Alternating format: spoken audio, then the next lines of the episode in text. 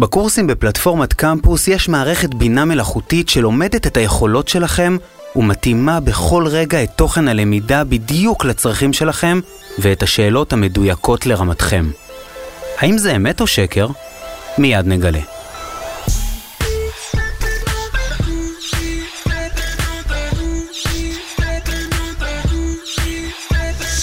המאסטרים, המרצים הטובים בישראל, מגיעים אליכם עם קמפוס אייל, המיזם הלאומי ללמידה דיגיטלית. עורך ומגיש, אסף וייס. דמיינו שהקורסים הטובים ביותר בארץ פתוחים עבורכם בחינם ואתם יכולים ללמוד בזמן, במקום ובקצב שלכם. דמיינו שהמרצים הכי טובים בישראל עוזבים את כיתות הלימוד ומגיעים עד אליכם, לסלון, לבית הקפה, לנסיעה לעבודה. דמיינו שאתם יכולים ללמוד שפה חדשה או קורס פסיכומטרי מעולה, לקדם את הקריירה עם קורסי תכנות או יישומי אופיס, להרחיב אופקים בעולמות תוכן כמו פסיכולוגיה ופיזיקה, פילוסופיה וכימיה, או בכלל לצבור נקודות זכות אקדמיות עוד לפני תחילת התואר. עכשיו, אתם יכולים להפסיק לדמיין ולהקשיב לערן רביב, מנהל קמפוס. התוכנית הלאומית ללמידה דיגיטלית שמובילים מטה ישראל דיגיטלית במשרד לשוויון חברתי והמועצה להשכלה גבוהה. אהלן ערן. אהלן אסף. אז נתחיל בגילוי נאות עם קרדיט עצמי, אני לא רק עורך ומגיש את הפודקאסט הזה המאסטרים, אלא גם הסגן שלך בקמפוס ומי שמוביל את האסטרטגיה והשיווק של המיזם. אני אפגוש אתכם כאן בפרקים הבאים של הפודקאסט הזה עם טעימות ממיטב הקורסים בקמפוס, בהמשך אנחנו נשמע עוד uh, מה צפוי לנו, אבל uh, לפני זה בוא, בוא רגע נתחיל מאפס, מה זו בכלל למידה דיגיטלית? תדמיין אותי ואותך לפני 20-30 שנה, צריכים לבחור מה אנחנו רוצים ללמוד בחיים.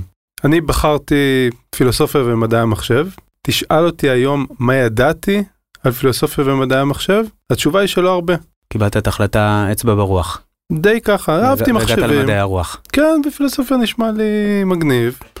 נקפוץ עכשיו 30 שנה קדימה, היום את כל התוכן והמידע וההשכלה אני יכול לקבל במרחק של קליק ממני. אם אנחנו מדברים על סיטואציה שבעבר הייתי צריך להירשם, לשלם, לנסוע, להגיע למקום מסוים שמלמד משהו מסוים, אז היום באמצעות הלמידה הדיגיטלית יש לנו אפשרות ללמוד מה שאנחנו רוצים דרך הסמארטפון, דרך הטאבלט, דרך המחשב, כאמור במרחק אה, נגיעה, תכנים של מוסדות אקדמיים שונים, מוסדות הכשרה שונים, פעילויות לימודיות שונות, נמצאים באותו מקום באינטרנט, מוכרים לקרדיט בחלקם הגדול, וזוהי המהפכה של ממש של הלמידה הדיגיטלית. Mm, ומי בעצם אחראי על פיתוח התוכן? מי, מי בסופו של דבר עומד מאחורי כל הקורסים האלה?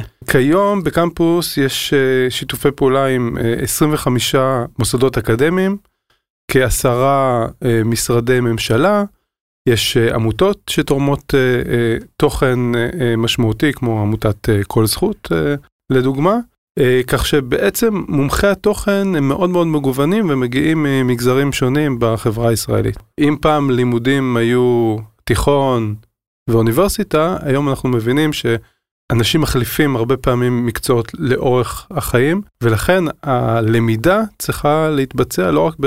בין גיל 22 ל-26, אלא גם בגיל 40, גם בגיל 50, ולהתחיל עוד הרבה קודם. אמ, אז זה נשמע מרתק, אבל לגמרי מ-30 אלף רגל, בוא, בוא שנייה נצלול אה, לדוגמאות קונקרטיות. אולי ניקח אה, דוגמה מעניינת של אה, קורס של אוניברסיטת תל אביב, שזה נקרא צעדים ראשונים במדעי המחשב ולימוד שפת התכנות פייתון, שהסיפור שסגל האוניברסיטה מספר לנו הוא שביום הבחינה, בסוף הסמסטר, בין הסטודנטים היו גם כמה סטודנטים אחרים מעניינים, וביניהם ילד בן תשע וחצי.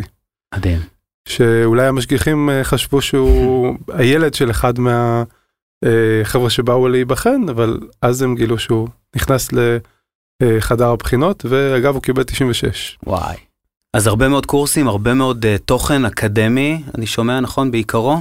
אה, לא רק אקדמי, קודם כל אה, חשוב להגיד שהמועצה להשכלה גבוהה היא השותף האסטרטגי במיזם, ובאמת יש לנו למעלה מ-80 קורסים אקדמיים ציבוריים פתוחים, אבל יש לנו גם קורס מעולה להכנה לבחינה פסיכומטרית, יש לנו קורס מעולה בערבית מדוברת של עמותת מדרסה, יש קורס נהדר של צה"ל ללימודי תכנות של C++, קורס נהדר באנגלית תעסוקתית שיעלה בקרוב, שפותח על ידי משרד העבודה והרווחה, ואנחנו בעצם רואים מנעד מאוד מאוד רחב של מטרות שונות של לומדים שונים שהפלטפורמה מאפשרת להגשים. אני מתאר לעצמי את המאזין אומר לעצמו זה נשמע מושלם איך עדיין לא סגרו את בתי הספר עם כל הטוב הזה. היום למידה דיגיטלית מותאמת בעיקר למי שיש לו יכולת למידה גבוהה יש לו משמעת עצמית שהוא יודע לפנות זמן ויודע להתמודד עם תוכן אקדמי מאתגר. אחד מהיעדים המרכזיים שלנו בקמפוס הוא להנגיש את האפשרות ליהנות מהקורסים הדיגיטליים באמצעים טכנולוגיים שונים ובאמצעים פדגוגיים מתקדמים. טוב, אבל עם כל הכבוד לכל הידע המדהים הזה, אני שואל את עצמי, מה, מה בסופו של היום יוצא לי מזה? יש לנו היום כבר למעלה מ-30 אלף ישראלים צעירים שרוצים להיכנס להשכלה גבוהה והשתמשו בעצם בקורס הפסיכומטרי הדיגיטלי החינמי של המשרד לשוויון חברתי בקמפוס ואנחנו יודעים לספר שהציונים מאוד יפים ורבים הגשימו את החלום שלהם והולכים להיות סטודנטים באוקטובר הקרוב בזכות הקורס הזה. חבר'ה שהם כבר בתוך ההשכלה הגבוהה יכולים לקבל קרדיט. למעשה כל הקורסים האקדמיים בקמפוס מוכרים לקרדיט על ידי האוניברסיטאות שפיתחו את הקורסים. יש אפילו כמה מוסדות שמעניקים קרדיט על הקורס לסטודנטים שהם מן החוץ. כלומר אותו סיפור של ילד בן תשע וחצי או אה, פנסיונרית בת 74 יכולים אה, באוניברסיטת תל אביב, במכללת אחווה, מכללת אשקלון שהם החלוצות. להגיע למכללה או לאוניברסיטה ולבצע את הבחינה ולקבל ממש קרדיט אקדמי. יש קורסים שמציעים תעודות. לדוגמה, קורס של מרכז לחינוך סייבר בתכנות, מציע למי שעובר את כל המטלות של הקורס בציון מינימלי, תעודה עם הלוגו של מרכז חינוך סייבר, שהיא ממש אומרת שאתה עברת את הקורס, קורס תכנות בהצלחה. Mm-hmm. ועכשיו אסף, אני רוצה לשאול אותך שאלה, הזמנת אותי לדבר פה על למידה דיגיטלית ועל קמפוס והכל טוב ויפה, אבל מה זה הפודקאסט הזה בכלל?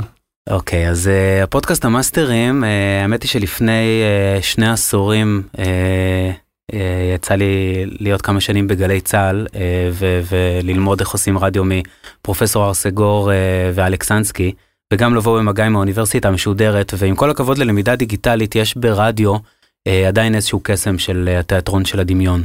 אה, והרעיון היה בעצם לקחת את אוצרות הידע הקיימים בקמפוס, לקחת את המרצים הטובים ביותר ולהיפגש עם כל אחד ואחת מהן לפרק קצר של 25 דקות של חצי שעה ולקבל טעימה קטנה מהקורס, שזה מי, ש, מי שזה מספיק עבורו ומסקרן, אז השאיר את עולמו, רכש כלים חדשים, מיומנות חדשה, ו, ויצא בסוף הנסיעה בדרך לעבודה עם אה, תובנות אה, אה, מעניינות על החיים.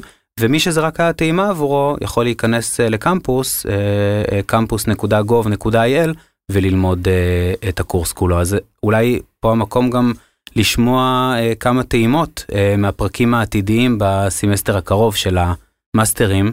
הנה, יצא לי לאכול פעם במסעדה בטוקיו והשארתי שם טיפ. אוי לא, כן. זו ממש טעות. צריך להבין שעבור היפני, מבחינתו זה כאילו אמרת לו, אני לא סומך על האופן שבו תמכרת את המנה, אז תמכרתי לך אותה מחדש והשארתי uh, טיפ כדי uh, לכסות את המרווח הזה שנוצר, את הפער של התמחור. לפני משהו כמו 20 שנה, uh, אלוף העולם נוצח על ידי מחשב, והיום לנצח את uh, אלוף העולם בשחמט זה כבר נחשב משחק ילדים בשביל מחשב. יש uh, משימות uh, הרבה יותר קשות, שגם עליהן חשבו בשלבים מסוימים שמחשב לא יוכל לנצח... אה, אדם, או אדם מומחה, אלוף עולם, אה, אז גם את הדברים האלה כבר מחשבים עושים, וכל פעם הגבול של מה אנחנו חושבים שמחשבים לא יהיו מסוגלים אה, לעשות יותר טוב מאיתנו, הגבול הזה הולך ומתרחק.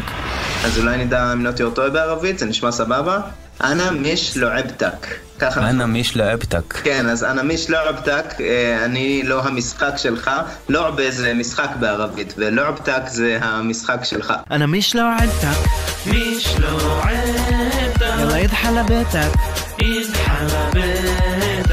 راح امسح وشك بالارض راح اعمل منك عرض مدرسة بالتلفزيون والعمية محلها هون אנחנו כולנו גדלים על התופעה הזאת שטווס מחזר אחרי הטווסית, אז הוא פורס את הנוצות היפות שלו, וככל שהנוצות יותר מרהיבות, אז ככה הסיכוי שלו אה, להזדווג גבוה יותר, אבל בעצם יש כאן שאלה הרבה יותר עמוקה. למה בעצם, למה היא בכלל צריכה לבחור כזה טווס? הרי ברור שזה הטווס הראשון שהתערף. הוא לא יקנה שום יתרון אבולוציוני אה, מהבחינה הזאת של אה, שרידות לדור הבא, ועם זאת היא עדיין ממשיכה לבחור בהכי יפה, אבל נגדיר את זה הכי טיפש. מחקרים מראים שככל שאתה מבוגר יותר, אתה תיטה לצפות יותר בסלון, בטלוויזיה, אה, מה שנקרא צפייה ליניארית לפי לוח השידורים, וככל שאתה צעיר יותר, אתה תברח מהסלון לכל מיני מכשירים של טאבלטים, סמארטפונים. מדי פעם סטודנטים מספרים לי את זה שההורים מתקשרים אליהם ואומרים להם, תפתחו טלוויזיה, יש משהו, ואומרים להם, טוב, נראה אחר כך, אז אומרים להם, איך אחר כך? האם להקריא ספר לפני השינה קשור או לא קשור להצלחה בלימודים? הייתי מהמר גם על ספר וגם על ריבוי ספרים בבית. אז זהו, אז ספר לא, הקראות ספרים לפני השינה לא קשור להצלחה בלימודים, אבל הרבה ספרים בבית כן קשור להצלחה בלימודים. אה, אוקיי, אז מספיק להחזיק ספרים בסלון, אבל לא צריך... אז לא צריך לעשות שום דבר. אז תגיד, למדת גם ערבית, גם מחשבים, וגם אתה יכול לתת לי עכשיו טיפול פסיכולוגי? לגמרי, וזו רק, ה... וזו רק ההתחלה, אה, ואנחנו לקראת סיום של הפרק הזה, והייתי רוצה לשאול אותך בנימה קצת יותר אישית, אה, מאיפה אתה מגיע לקמפוס? אה, בתפקידי האחרון לפני ניהול קמפוס הייתי סמנכ"ל בעמותה שנקראת תפוח, שעוסקת בעצם בלהביא את הבשורה הדיגיטלית לפריפריה החברתית והגיאוגרפית בישראל. יש משפט של ג'ון צ'יימברס שהיה מנכ"ל של חברת סיסקו שאומר uh, there are two equalizers in the world education and internet. ואני מאוד מאוד מאמין בזה וזה ככה מתחבר לי גם מאוד עם מה שאני עושה היום בקמפוס שזאת בשורה שלא רק יכולה להאיץ ולקדם אנשים בקריירה האישית שלהם אלא גם לצמצם פערים ולהביא את דימונה וקריית שמונה לתל אביב וירושלים. מדהים, אז בעצם המישן הוא חברתי, יש פה את אוצרות הידע public goods ש, שהמדינה מספקת אותם לכולם בחינם. אה, לקראת סיום יש איזשהו משהו נוסף ש, שאתה רוצה לציין? אני רוצה להזמין את כל מי שמאזין או מאזינה לנו עכשיו להצטרף למיליון וחצי ישראלים שכבר ביקרו באתר קמפוס. ל-220 אלף לומדים פעילים באתר, לבחור אחד מתוך 170 הקורסים שאנחנו מציעים, ולהתחיל ללמוד. אז אם uh, לחזור לחוב שלנו מתחילת הפרק, האמת ושקר, בקורסים בקמפוס, המערכת בינה מלאכותית מתאימה אישית את השאלות? אנחנו עדיין לא שם, אבל uh, בהחלט בדרך. הבנתי. Uh, אז uh, בפרקים הבאים אתם תפגשו את המאסטרים, המרצים והמרצות הטובים והטובות ביותר. נדבר על מדעי המחשב ופסיכולוגיה, על ערבית וביולוגיה, על פיזיקה וניהול משא ומתן וגם טלוויזיה. אלו בעצם הצצות קטנות ומרתקות לקורסים המלאים שפתוחים לכולם בחינם בקמפוס. מוזמנים להיכנס לקמפוס.gov.il ואם אתם רוצים להציע רעיונות לקורסים, מוזמנים לעשות לנו לייק לעמוד הפייסבוק או אה, לאינסטגרם. אה, וערן, אה, נראה לי שדיברנו מספיק, בואו נלך אה, ללמוד משהו חדש. יאללה, בכיף. אז תודה רבה לך. תודה רבה.